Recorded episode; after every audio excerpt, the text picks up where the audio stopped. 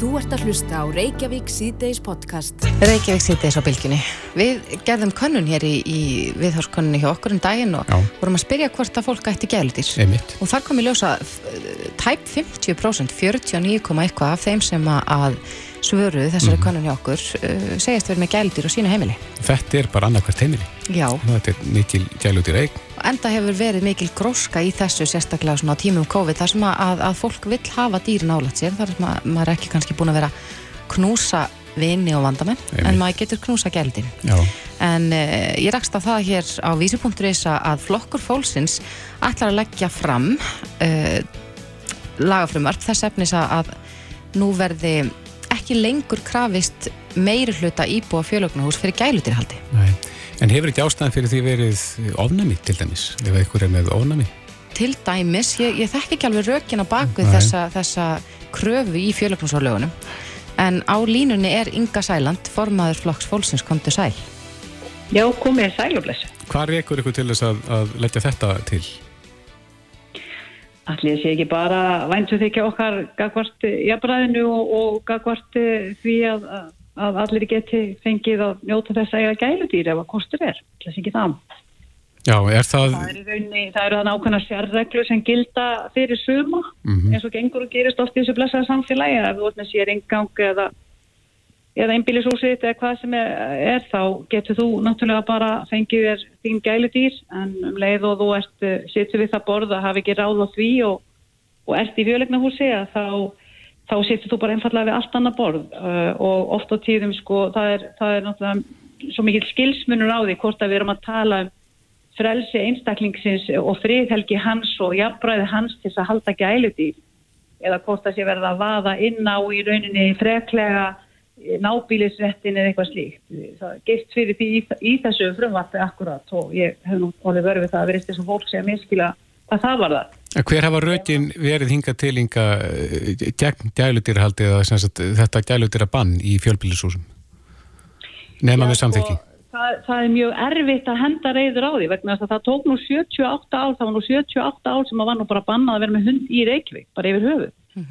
Þannig að það hefur verið smám saman verið að, að viðurkenna þetta og við sjáum það meiri segja hvað okkar samfélag er, er mikið hvað á eftir mörgum öðrum samfélagum hvað lítur að því að, að vera til dæmis með þjálfaðan og, og, og, frábæran kannski hund við hliðin á sér. Þú, þú ert hverki húsum hæfur, þú mátt ekki lafa með henni í búð, þú mátt helst ekki fara með henni eitt eða neitt en, en hins vegar þá heyrði ég það að, að framkvæmdastjóri Íslandshótela, hann var dæmis að búa það nú í suma, þá með allir koma e, á Íslandshótel. Já, það var nú þannig síðasta sumar líka. Við sögðum Já, frá því hér að- fyrir síðasta Sko, sumar. við sjáum bara að þetta er, þetta er í rauninni að verða viðurkend þannig sem ákveðin mannréttindi bara fá að eiga gæludýr og eh, ef að til dæmis viðkomandi einstaklingu sem að er með gæludýr, við skulum segja í fjölegnahúsi að hann er ekki að fara að neinum eðlilegum umgengnisvefnum hvað varða dýri sig, að þá er ekkit búið að taka burtu þá heimild húsfélagsins að heimlega banna þessum einstaklinga að halda til dæmis hund uh, í fjölegnahúsinu. En Inga, það eru líka dæmið það að fólk hafi þurft að, já, það er líka dæmið það að fólk hafi þurft að láta gæludýrni frá sér, svona við það bara að flytja. Já, það hafa komið bara upp alveg óbúslega sorgleg atriði það sem að í rauninni einstaklingurinn er búin að eiga þetta gæluti kannski hundin sinn í kannski 6 til 10 ár og búin að, búin að fylgja þessum einanda í allan þennan tíma og allt í einu þá verða aðstæða þannig að við komum til þar að fara og hann fær ekki að hafa dýri hjá sér. Þetta er bara þetta er bara sáran en tárun takki og allt og margir sem er að gangi í gegnum þetta og ég segi bara e, fólk þarf ekki að óttast að þetta þýði að, að, að það sé hægt bara að fylla eitt fjölögna hús af hundum og köttum algjörlega átölu lust ef, að- að því er að skipta. Það er bara ekki það sem við erum að tala um. En, en leggið þið til að þetta verði gefið alveg frjálst eða verða einhver, einhver skilir þið sett fyrir þessu? Já, það er engin skiliði nema það bara að þú sért þú sem hæfur með þitt dýr og þú virðir all, alla reglur og nábýlisrétt eh, hérna náungarna. Þannig þú heyrðir upp eftir þitt dýr og þú sérðum það að, að það sé ekki að valda óþarfa ónæði og ef að, ef að það er eh, sameigilegur sko, skilningur húsfélags húsfélagana til dæmis að þessi einstaklingur hann gjössalega sé ekki húsum hæfur með sitt gæludýr og fylgir ekki neinum eðlilegum umgengnisreglum að þá geta þau bara einfallega bannað honum að hafa gæludýr. Ef, hann, ef hann hérna lætur ekki sko segjast við kannski áminningu og, og, og ábendinga þar um að, að, að gera betur og, og, annars líkt þannig að en svona almennt held ég að það sé nú bara þannig að flest, flest allir sem að halda gæludýr þeir hugsa um það og eru með gæludýri til þess að láta sér þykja vendum það og eiga það fyrir vinn og, og, og hyrða um í rauninni umhverfi sitt eins og kostur er þannig ég vil, ég vil, ég vil allavega lofa þeim að njóta vafans mm -hmm. og ég tel það sér þannig og, En hvað með þá sem eru með ofnæmi? Bara, hvað með þá sem eru með ofnæmi? Já, þeir sem eru með ofnami, sko, þeir geta heldur ekki eins og við veitum ekki heldur farið út í búð eða nokkur skapaðan hlut. Uh, við verðum átt okkur á því að það er, það hefur verið mjög mikið notað, það hefur verið mjög mikið notað að segja, sko, það, það er ekki tækt að koma hundir í þennan stegaganga því ég er með ofnami. Ég ætla bara að leifa mér að segja það að ef að einstaklingur hérna á það bátt að hann verður hennilega að vera í algjör í búblu og getur ekki farið út úr, út úr húsi, vegna þess að við erum öll með kannski hundahár og heitt og þetta og þú getur verið með þess að vaka á þeir bara út í bónus mm -hmm. Þannig að það, ef, ef einstaklingurinn á það erfið þá finnst mér nú alveg sjálfsagt að þá sé það nú bara ríkisvaldið og við sem eigum að sjá til þess að, að þeir sem eigi það erfitt að þeir fái nú algjörlega búsettu þessi tæfi þeir geta þá yfir höfuð ekki búið í nábíli við aðra ef að þeir eru með svona mikið ónæg Akkurat, en Inga heldur, heldur að þetta uh, að þessu frumvarpi að þetta frumvarp verði samþygt í þinginu? Ég veit það ekki sko, ég, ég held að sé nú mjög margir í þinginu sem, a, sem að eiga einmitt gæludýr og mjög margir eiga hunda. Og eins og því að þessi konun leiti í ljós að 50% uppundi það Íslendinga séu að halda gæludýr. Þannig að ég, ég veit það ekki, ef maður minnstakosti vil koma fram við aðra eins og maður vil að sé komið fram við mann sjálfan þá reynir maður að taka tillit til annara eins og við erum að gera hér og nú. Þannig að ég vil minnstakosti vona það að þeir sem að njóta þess sjálfur í þinginu að eiga gælitir og halda sín gælitir eh, leiði sér að skilja það að rósett fátakur og, og neyðist þess að búa í, í stórið samvegni eða fjölbílisúsi að þú eigi líka rétt á því að, að eiga þetta frelsi af því að þessar sérreglur eru um sér ingang í, í, í hérna, íbúðir og annars líkt þar sem þú fært ekki að vera að spá í það þú bara tilkynna að þú ætlir að eiga þennan hund og punktur og basta Já. Setjum punktin hérna, Inga Sæland, formaður flokks fólksins, kæra þakki fyrir þetta og góða helgi. Já, takk sem er leiðis fyrir að hérna láta ykkur þetta varða, bara kæra þakki fyrir það. Þú ert að hlusta á Reykjavík C-Days podcast. Já, já, þegar við lítum með við farin vegi vikuna þá er náttúrulega stærsta málið og eitt alvarlegasta, það er morðið í rauðagerði. Já, svo sannlega það hafi verið mjög umfangsmikla aðgerði lauruglu. Það eru núna átta manns í gæsluvarhaldi vegna málsins. Mm -hmm bílar haldlaðir og húsleitir og farsimagögn skoðuð. Já, akkurat. Þetta er mjög veða mikið en lauraglann heldur að sér uh, málinu svolítið þjætt upp að sér og, og sínir ekki mikið á spilin sem að kannski stíla þetta er. Mm -hmm. En uh, það er mikil umræða um þar að segja stöðuna. Hefur hún breyst með þessum verknaði? Uh, þar sé að hafa undirheimarni breyst og, og leikaregluna þar? Já. Kallar þetta á aukin viðbúna lauruglu og þar fram eftir göttum. Á línunni er Heldi Gunnlaugsson, professor í félags- og afbrótafræði við Háskóla Íslands, kom til sæl. Já, sælverði. Já, þetta mál það framkalla marga spurningar. Já, það er alveg rétt, sko. Þetta er þetta óhugnanlegt mál og kemur illa við okkur öll mm -hmm. að heyra af svona ódæði framið raunverulega bara í friðsum hverfi í, í Reykjavík mm -hmm. og þessum fjölskyldu fæðir er bara skotinn fyrir framann heimilið sitt mm -hmm. sko, og við þetta sko, hljótum að spyrja okkur sko, hvað, hvað þetta er að ferðin í ég minna bæði valandi sko, þetta aðtæði sjálf og síðan auðvitað hvað þetta sé kannski að einhverju svona uh, hluta sem er að fara við erum eftir að fara að upplifa meira af með hvort að þarna munir vera hrindað eitthvað atbyrðarási og þetta sé eitthvað nýtt stig í, í afbrotum hjá okkur Íslandi og, og sem við þetta kannski má segja að, að, að svo sé, þannig að þetta er eitthvað sem við hefum ekki séð í okkar samtíma og við hljóttum auðvitað öll að staldra daldi við hvað þarna er, er í gangi og það sem skiptir kannski, kannski núna mjög stokk fyrir okkur er að að, að þetta mál verður að upplýsast við verðum að fá allan, allan staðrindur upp á borði, hvað er raunverð þetta gerðist og hver er ábyrgur og hvað hann er á ferðin, sko. það er það sem skiptir líkil máli fyrir, fyrir laurugleifild á, á þessu stíði málsins Já. Er þetta kæfa svona þróun í fæðingu? Sko að það, það ég menna við, við vitum að að aðbrótastar sem undreima starfsemi er, er stunduð bara alla vestur Evrópa meira og minna og við vitum að yfirvöldir reyna að gera sitt allra besta til þess að draga úr þessum einhverjum hætti sko, við vitum þetta frá bandarækjunum þar sem er lauruglíðvöldir vel og opnum búin og með öll, öll tækja tól og, og við sjáum þetta í Evrópu líka en, en, en þetta verður ekki tekist að, að hemmja þetta því miður og við sjáum þetta á Norðurlandunum með ímiskunar glæpa hópa og mótihóla klúpa og, og allt þetta sko. Og menn er reyna að gera sitt besta til þess að halda aftur á þessu og ég held að sé sko það, það, það er vafalítið hægt að halda aftur þessu, við, við hérna á Íslandi að, að við höfum verið svona blessunlega betur sett hvað þetta snert varðar en margar hann þjóðir, við, við til dæmis varandi mótjóla klúpa sko, okkur mm -hmm. tekist að halda blóndið aftur að þeim og svona erlendu glæparingjum að festa rætir hérna, það hefur nú tekist eh, sem betur fyrir svona farsarlega hjá okkur. Hvernig þá? Hvað, hvað var gert til þess?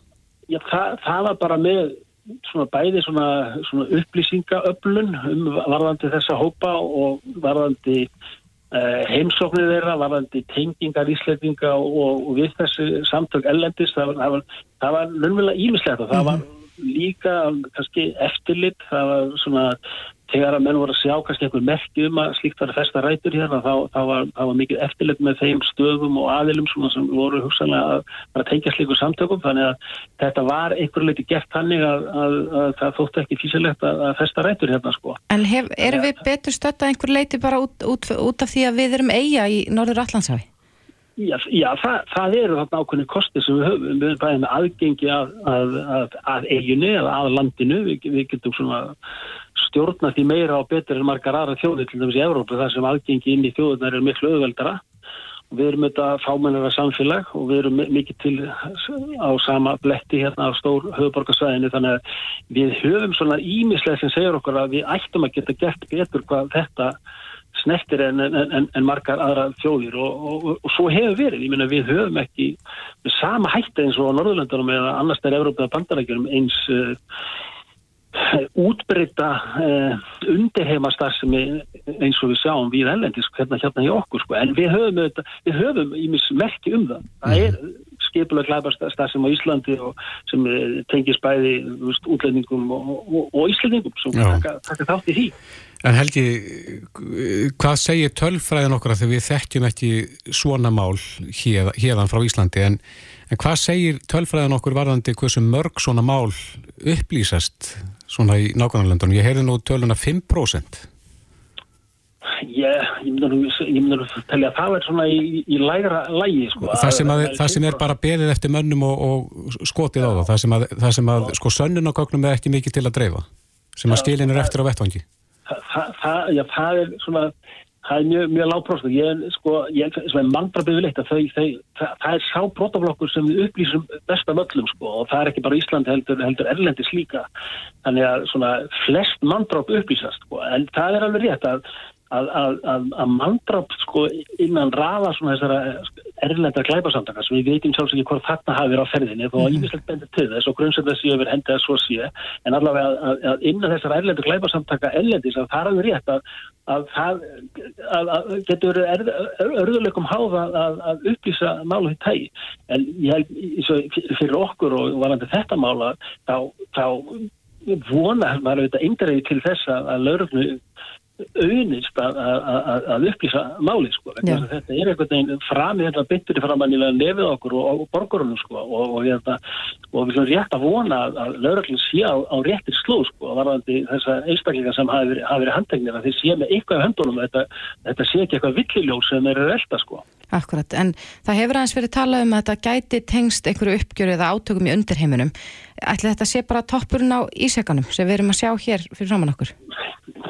Ég, ég veit ekki, ég myndi ekki kannski beint ára á það, en þetta er það alvarlegt aðtæfi sem við ekki séð, séð áður. En, en við vitum að það er eh, svona stóru markaði fyrir forbóna svona þjónust og, og vörur. Ég minna að það er fíknumarkaðan það veltir miljónum, miljónum, hundruðum jafnvel miljörðum sko og það er tölur verið hagnaða vonðarna fyrir þá sem horfa svo á máli og eh, þannig að það er vantalega þessi, þessi, þessi, þessi já, þessi svarti markaður, hann er þetta til staðar og, og meðan svo er að þá, þá er alltaf einhverju sem er reyna annað þegar eftirspurt, koma inn með frambóð inn, inn í, til að annað þessari eftirspurt og, og, og oft kannski hefur maður tilfylgjum með sko, erlendis að þegar að einhverju eru teknir útrúðsu, sko, mm -hmm. handteknir eða eru fenglega bara drefnir, þá kom alltaf nýjir inn til þess að að hérna, annað þessari eftirspurt, sko, en við hefum á Íslandi, og segir, við erum fámennar samfélagi, við ættum að, að hafa betri tök á því að, að missakosta að vera yfirsin yfir þetta og, og geta haldið aftur þessu meira en, en, en kannski margar aðrar þjóðir og, og ég í svona lauraglan svo þegar ég vantilega þekkis einstaklega sem er handteknir en, en kannski hafi ekki haft nægilegt efni til þess að, að stöðva þá fyrir sko en, mm. en það er kannski þessum vonað að þið séu að missakosta á einhverju volkri breyt sko og þetta leiði til nýðustuði þessu málu vegna þess að það er ómöðulegt fyrir okkur svona sem þjóð að sítja uppi með með óupplýst mormál af þessu tægi með því alvarlega sem við séum bara í, í okkar samfélagi í setni tíð Einmitt. En held ég skotvopna eign Íslandinga, hvar, hvar stöndu við þar svona uh, varandi fjölda skotvopna?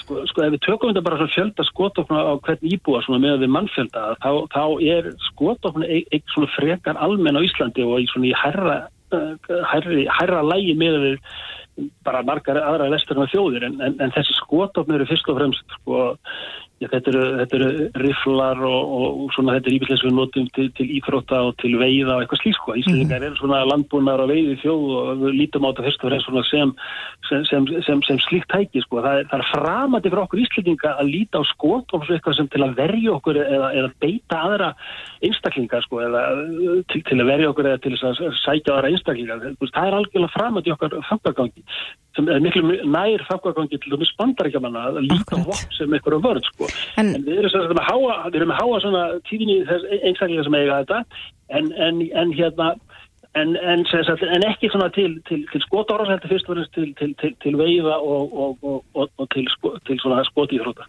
En eru vísbendingur um það Helgi að það séu tölvert fleiri skotvapni í umferð, einhver sem eru þá ekki skráð? Það, það, er, það er alveg klárlega eitthvað slikt í gangi sko. Við erum auðvitað með mjög gott kerfi á, á varandi yfirleiti yfir flest skotöfn en, en við erum alveg örökla með, með skotöfn á, á svartamarkanum og örökla hefur haldlagt uh, ólöglu vopn hjá okkur hérna á, á, á síðustu árum. Þannig að hversu bara mikið er að það er auðvitað erfitt átt að segja því en það er klárlega einhver ólöglu vopn í, í gangi. Ég held að það sé nokkuð klart sko. Já, en svo er líka ákall frá sumum að, að lögreglan sé þá betur í stakk búin til þess að, að vopn búast ef að þörf er á? Já, sko við auðvitað viljum að lögreglan sé í stakk búin til þess að takast á við þann vanda sem svona lögbrót og, og, og til að halda upp almann reglu í samfélagið. Ég held að það sé alveg klart sko og við viljum að lögreglan sé vel tjálfuð geta takast á við það sem kemur upp og, og að lögreglan sko sé fær og þjálfið í til dæmis með þess skotofna. En ég held að sko þetta einstakar tilfelli þarna um síðustu helgi að það í sjálfu sér er ekki ákallum það að, að lögreglan sé, sé, sé, sé vopnið í sín daglegu skildustörf sko mm. en, en, en ég held að, að það sé mjög gott fyrir okkur auðvitað að, að já, hafa sér sveit eða hafa einhverja sér þjálfa lauröklu sem, sem hægt er að grípa til þegar hægt að ber á, á, á höndum sko. Já en þetta sínur okkur líka það ekki held ég fyrir ekki þetta sínur okkur líka það að þegar svona ástand kemur upp að þá er gott að almenni lauröklumenn geti e, greipið til varna. Jú, þeir er allavega svona hvernig þeir eigi að breyðast aðstæma þessu tægi sko og, og þess vegna geta bröðust við, við, með, með viðviðandi hætti sko. Þa, það er alveg ekki. Ég held að lauraglann þurfa að vera vel þjálfið til þess að reyna að takast á við hvað aðstæðan sem er. En ég held sko að, að, að, að lauraglann fyrir að vera með sagt, skotlopp við, við allar venjulegar aðstæður í sínu þjónustu hlitverki við borgarna vegna þess að störf lauruglunar og þjónustu hennar er svo viðtæk og fer svo víða inn í samfélagið að ég held að, að, sko, að öryggi borgarna sé ekkert meira með því að, að lauruglumenn sé allir uh, vottaði. Ég hef reyndar engan heyrt kall eftir því. Nei, ég held sko að við hérna Íslandi og við, ég hef nú verið með svona viðhórsmælingar hvað þetta snertir og, og, og, og það er ekki meirlut fyrir því að lauruglunar sé, sé vopnu við, við daglega skildustörfi en hins vegar er all, eða svona eru, eru, eru margir á því að, að lauruglan verði hins vegar að vera þannig búin að hún getur tekist á hennar ólíku aðstæðar Mhm. en, en, en, en, en aukin vorturður lögurnar á, á, á, á vettvangi er ekki kannski það sem almenningur hefur að, er að kalla eftir. En það er hins vegar aftur á móti hágavert ef við skoðum þróuröldum í, í Evrópu að lögreglun er svona, svona meirluta, það það er menn sem er, eru vopnaðir og, og það eru fá lönd til dæmis í Evrópu þar sem lögreglun er óvopnað við, sín daglegu skildustöð. Meiri sé að í færing sko sem munu hérna vinur okkar og bræðir hérna rétt hjá okkur sko sem er 50 sem hann að þjóð sko að lögreglun þar, hver einstaka lögreglun er, er, er vopnuð við sín skildustöð sko og það kom mér mjög óvart, ég var hann í vettásþjálfun eða vettás heimsók örfamónu síðan í eina viku sko og, og, og þá að upp, uppgötu það sko að sko færiska lögreglun hluta dönsku lögreglunni og danska lögreglunni er vopnuð og þá um leið líka færiska lögreglun sko Akkurat. Þannig að þetta er svona, þetta er áhuga sko að, að, að lögreglun hefur svona eins og þróun hefur samt yfir meirið átt sko að, að, að voppaða lögregluna sko en ég er ekkert vissum að það sé endilega farsælt fyrir okkur að, að endilega feta þá brauð að, að, að, að auka vopnabri lögreglu, ég held að það sé oft svona falskt örgi sem við fáum og við vitum það líka að þetta hefur oft svona keðjiverkandi áhrif á sig á til dæmis þannig að svo kalla undir heima veröld sko að vitandi af, af lögreglu sem er vopnuð og þá bara undir heima að þetta vopna sig líka Eru þeir ekki voppaðast gegn hverjum öðrum en ekki endilega hvert lögreglunni? Jú, sko, Tómas, það- þetta sem er að segja að lögreglum þurfa, þegar hún kemur að vetta inn í svona eh, aðstæður skipulega glæpistæðsum, þá þurfa hún að hafa voppi hæfi gagvartegn, sko, til þess að grípa til áþarf að halda. En það er, sko, en, en, en við, við höfum, eins og ég segi, sko, það þarf að meta aðstæður og það þarf að meta hverju sinni hvenar nöðsynlegt er að mæta vappbúin til, til, til, á, á vettvang. Og lögreglum er með ákveðnar verklag í því hvernig það er metið og, og þetta hefur í sjálf sem gengir mjög vel og, og, og svona yfir höfuð og löggeslan hún lítur mikils tröss meðal borgarhalda Já, hún gerir það. og, og, og, og, við getum treyst svona fyrir þessum daglegu störfu sem hún hefur komið að og ég er ekkert vissum að öryggi okkar aukist eitthvað við það sko að, að við vitum það að þegar lögregla kemur í eitthvað venjulegt svona útkalli í borgarlega þjónustu að hún sé vopnum sem komið til okkar og sé vopnar allir, allir þrý lögreglumennir sem eru hérna fyrir utan hjá þeir að banka hjá þeir að þú verður eitthvað öryggra fyrir það sko að, að, að- að vera vopnar. Ég, ég er ekkert vissum það að það mun auka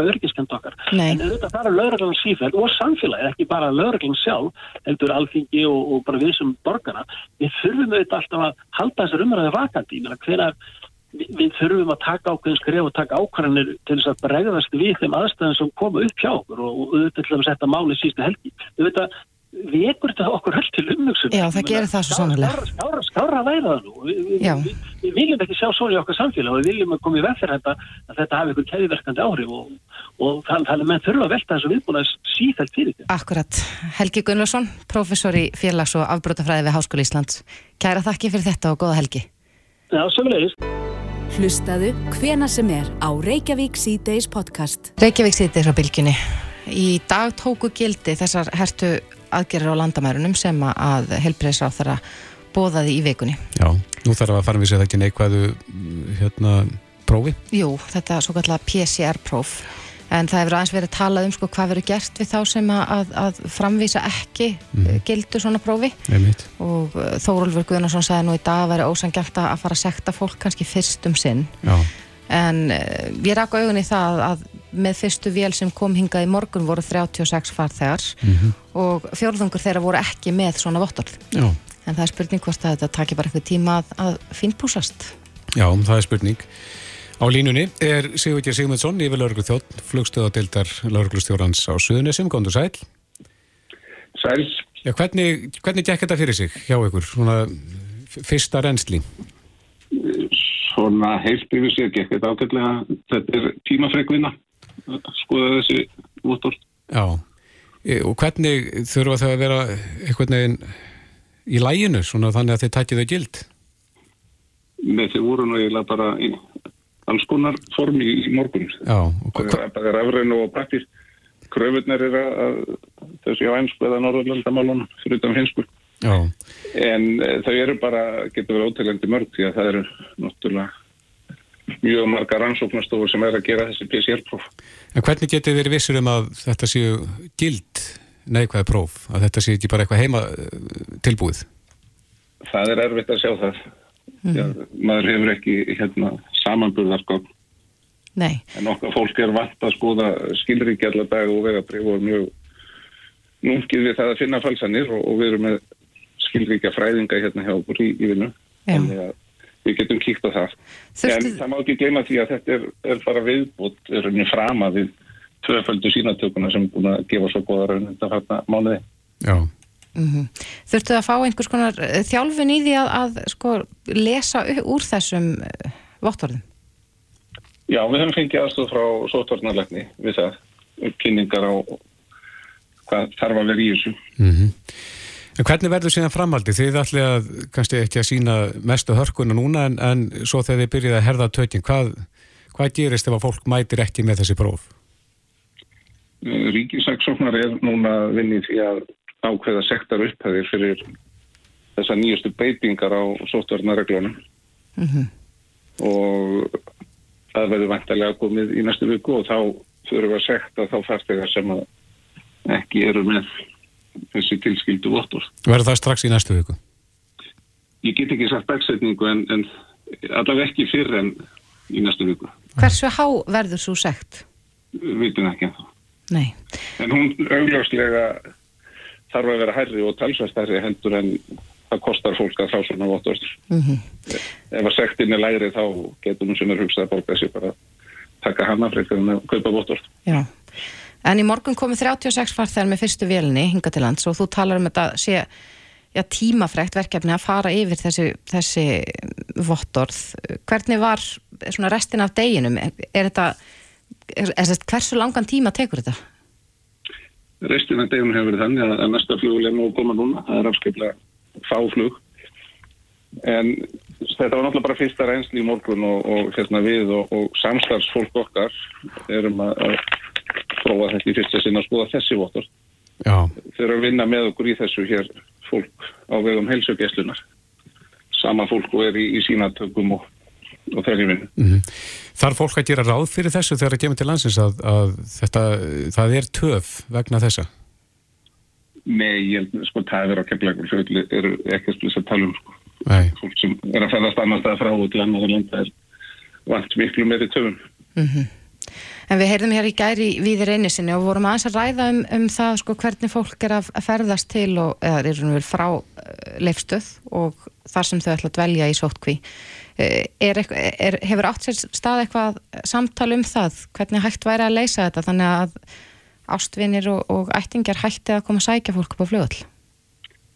Já, það vera heilmikið samtal um það og, og við erum búin að reyna að kynna þetta í fjölmiðlum og hérna, almannavarna deildin er búin að hamra á þessu. Það eru tilkynningar hér um allaveggi á flugullinum og, og fólk sem er að fáskrási til landsins í sína tökuna það fer tilkynningum þetta líka þannig að það er ekki eins og sem að reyna ekki að reyna koma svo framfæri. nei.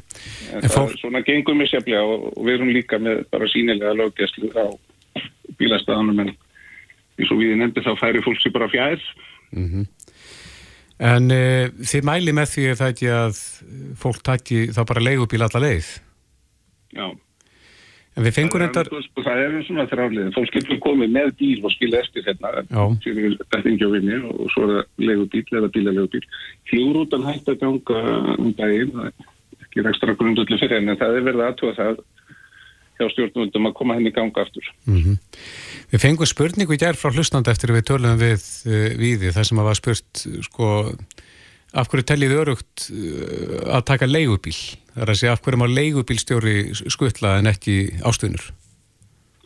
sko kannski byrjum á knúsinu Já, fólk er ekki mikið að knúsa Það er kannski sömur. Já, það er nú kannski það fyrsta sem við sjáum hérna úti sko að fólk rýfur niður grímurnar og famast og kissist Já. og hérna það er nú ekki venn en við legubílstjóruna þó þessi ágættir Einmitt. En leigubilstjórar eru með hlífar í sínum bílunum, þeir eru með plast eða plexi gera glefa milli margi hverjir Já, og, og það er náttúrulega gett að sóttvörnum þar þrifum og annað og það er verklag sem að sóttvörnulegna hefur unnið fyrir leigubilstjóra. Það er svona hvernig þeir eru að haga sínum akstri. Já, en eru þið bjart sína á að þetta muni ganga vel þetta nýja verkefni á, á landamærunum að, að taka við þessum PCR-vottorðum? Við erum alltaf bjart sín og, og hérna síðasta heila árið höfum við verið að taka við nýjum verkefnum ég veit ekki hversu oft og bara mjög reglulega og yfirleitt með stuftum fyrirvara eins og núna og það bara hendur okkur í það með okkar goða samstafsfólki. Þetta er náttúrulega unnið með fullt af frábæru fólki hjá hvort það er sóttvarnarleiknir eða almannavarnardild eða landamæradild, ríkislauglustjóra og heilsumgæslinni og Ísafi og fleirum og fleirum. Sko. Þetta er bara samstarfsverkefni þar sem að fólk einhendi sér í verkefnin. Já. Sigurgeir Sigmundsson, yfir lauruglu þjótt, flugstöðadeildar lauruglu stjórnans á söðunni sem kæra þakki fyrir þetta og góða helgi. Já, kæra þakki, góða helgi. Reykjavík síðdeis á bylginni. Eina mínum æsku minningum frá því ég var lítill gutti, það var að fara, sko því ég fór í heimsótt til ömmu afa á Kólsull, mm -hmm. þá fóru við nýri í tjallara og þar var bunki af gömlum vikum. Já, Semst, þau, þau söfnuðu vikunni akkurat. Og yfirleitt var svona, voru einhverja pælingar um framtíðin í þessum blöðum og eitt af því sem var mjög ábyrjandi þegar að menn voru að spá í hvernig framtíðin er því, það voru fljúandi bílar Já. að við erum fljúandi á einhvern hátt Já, ég held að, að, alla svona framtíða pælingar, margar þeirra hafa ræst. Þessi hefur ekki enn ræst. Nei, en það er spurning hvort að það stefni í það því að ég rakst hérna á frétt inn á devaf.is það sem segir að þýsti bílaframlegandin Volkswagen eh, sem er stærsti bílaframlegandi í Evrópu er nú að kanna hvort raunheft sé að hefja þróun og smíði bíla sem geta flóið og eh, beinist þetta að kynveska markaðanum Já, ég er nefnilega sko veltið fyrir mér í þessu samingi sko, er, er þetta þá bíl eða er þetta flugvél? Já, Þetta Er- er á fljúgandi, milli? já, þetta er fljúandi vél, já lítur að vera. En þeir eru þá vantilega að tala um þá að þú geti þá lendið svo og ekið um á þessu í, í hvað umferðin eða? En fórseti flugmálafélagsins, Mattias Sveinbjörnsson er á línu, kom til sæl. Já, verið sæl. Þú hefur vantilega séð þessa fréttir líka og áhuga fólksvakin á því að kanna eh, svona mögulegan á þessu. Jú, ég, ég, ég sá þetta mitt og þeir bætast í röð ja, fleiri aðlega sem hafa sínt þessu á á síkastins. Uh, Mercedes-Benz hefur skoðað þetta uh, og uh, já, það Volkswagen er að segja Porsche, Jaguar. Þannig að það er, virðist þeirra þessi bílaframlendu þessi svona að horfa til heimis hvað þetta varðar. Hvað eru með komni langt í þessum pælingum? Sko eins og þessi fréttir er nú svo sem ekki gefa mikið á spilin hérna, hvistlas faratæki þetta væri að þá eru þeir uh, í einhvers konar farvagreiningu. Að sá eru hversu stór markarinn er og hvað þeir getur gert á þessu sviði. En uh, sko það er alveg vel á annað undra verkefna uh, á sviði sko ramarsflugvila uh, sem annarkvort fljúa þá bara eins og þetta flugvilar eða eru þá að taka loft og lenda lóðrætt eins og, eins og þeir eru vantar að tala um þarna og uh, sum verkefni eru komið mjög skamt að vega meðan önnur er eiginlega já, við það að bara fara hreinlega á loft það sem er komið lengst er að, að áalla flug bara 2023 og síðan eru, eru sumir aðri aðla sem eru með svona demonstration eða vila sem að sína hvað er hægt að gera það, það eru lífandi í dag Mm. En eins og Þórði spyr, er þetta fljúandi bílar eða er þetta bara flugvilar? Sko það eru, það eru eins og segja það er svona misvandi útvæslar á þessu. Þetta getur verið alveg frá því að vera eins og dróni, eins og við þekkið á, svona hoppidróna flug. Og það sem er búið að búið til eitthvað hilki ofan á dróna þar sem fólk getur sest í og flogið.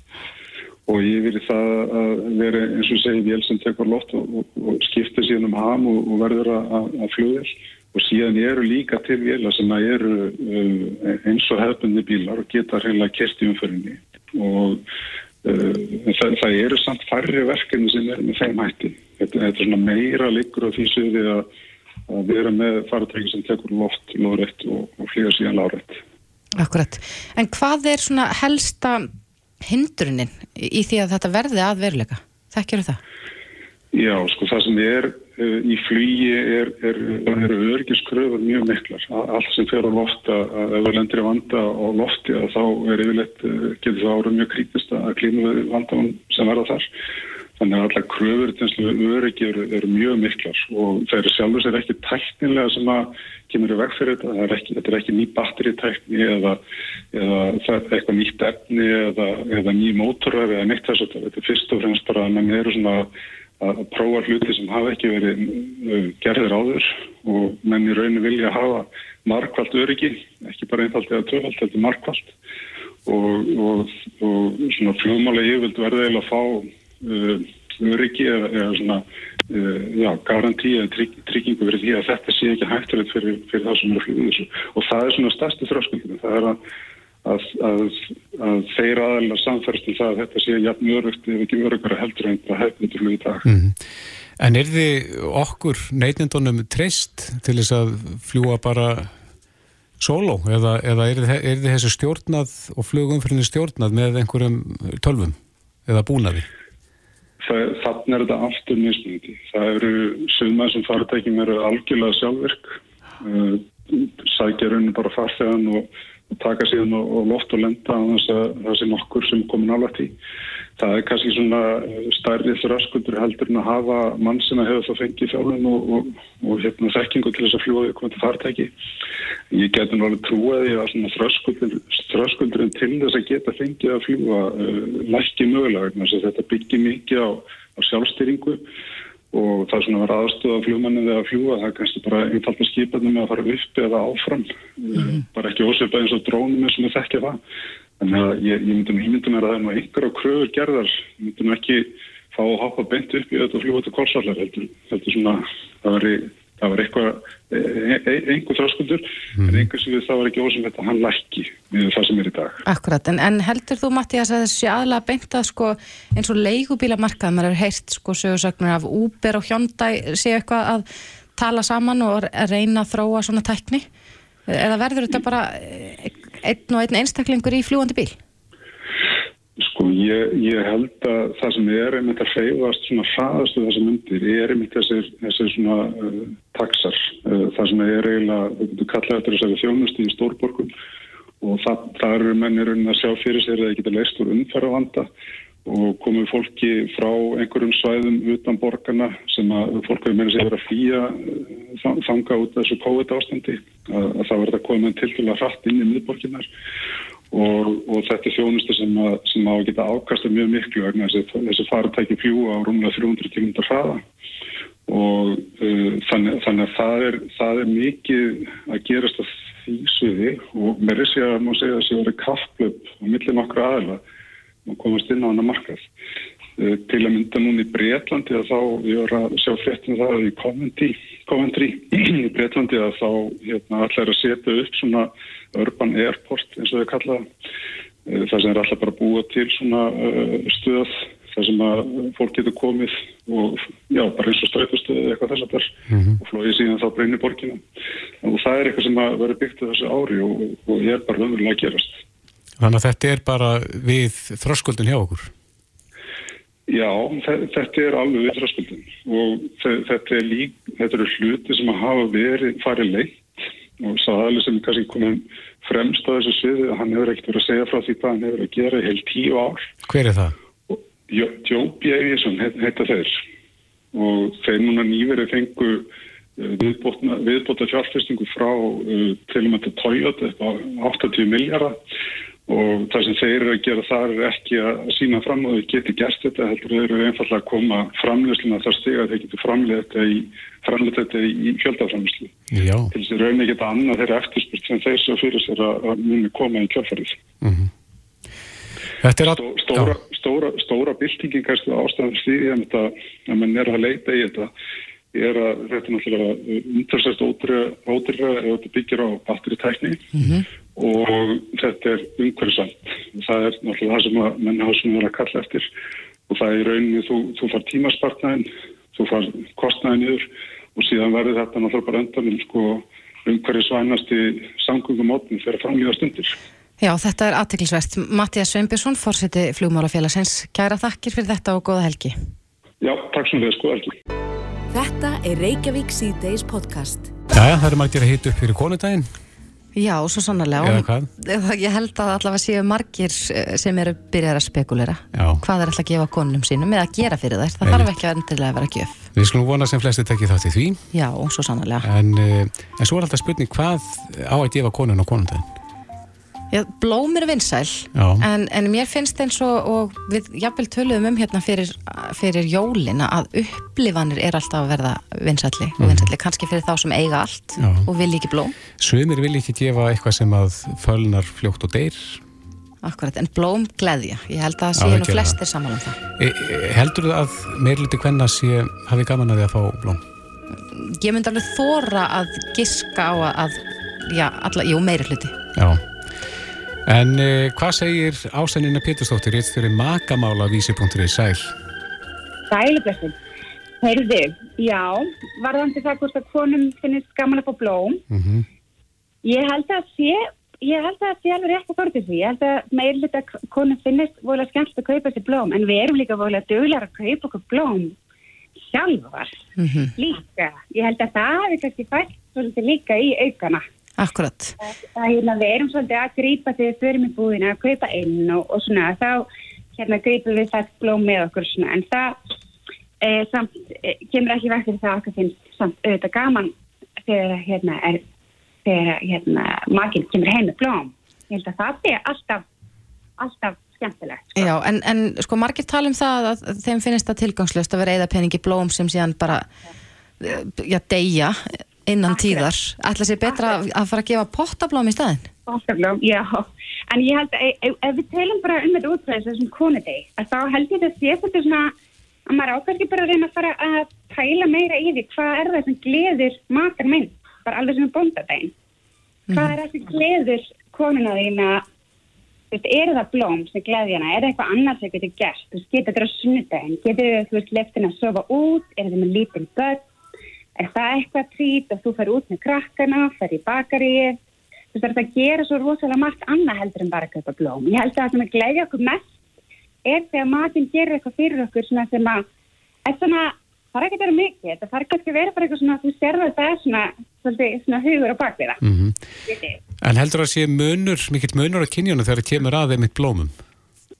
Já, viðst ég held að ég nefnilega gerði hérna ég ákveði að taka smá þegar ég var sjálf mjög svona ringið með bóndadaginn þegar hann kom að ég ákveði að gera smá svona könnun og hérna tók viðtal við nokkra menn hvað þeir vildi fá á bóndadaginn og þeir hérna algjörlega það verðtóku fyrir það að þeim langaði blóm og sögðu líka bara við viljum heldur ekkert eitthvað að gera það er bara að flesti sögðu það að það er ekkert eitthvað nöðsilegt þetta er aðalega bara það ef að hérna kona mín eða maki mín myndi bara elda uppáhalds matið minn Mm og hérna og við erum kannski búin að kaupa uppáhalds, rosalega margir sögðu kaupa uppáhalds bjórin minn eða eitthvað svona og hérna ég held að fólk sé ekkert andla að gera eitthvað maður þarf ekki alltaf að fara eitthvað svona overboard í einhverjum gjöfum og svo leiðis en, en ef þú veistum eitthvað sem konun henni til dæmis langar í eða eitthvað sem hún gefið þér ekki tíma fyrir þá er það útrúlega, útrúlega fallegt að, að hérna, vera kannski búin að undirbúa eitthvað svo leiðis Akkurat.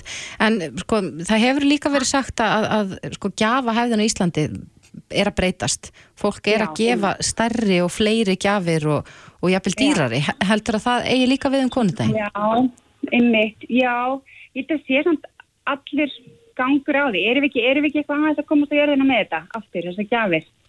Ég held að sé- Já, spurning. Ég er svona, ég er svona vona það. Þegar ég held að það er, svo, margt sem er hægt að gera sem að gleði miklu meira en þess að gjafir.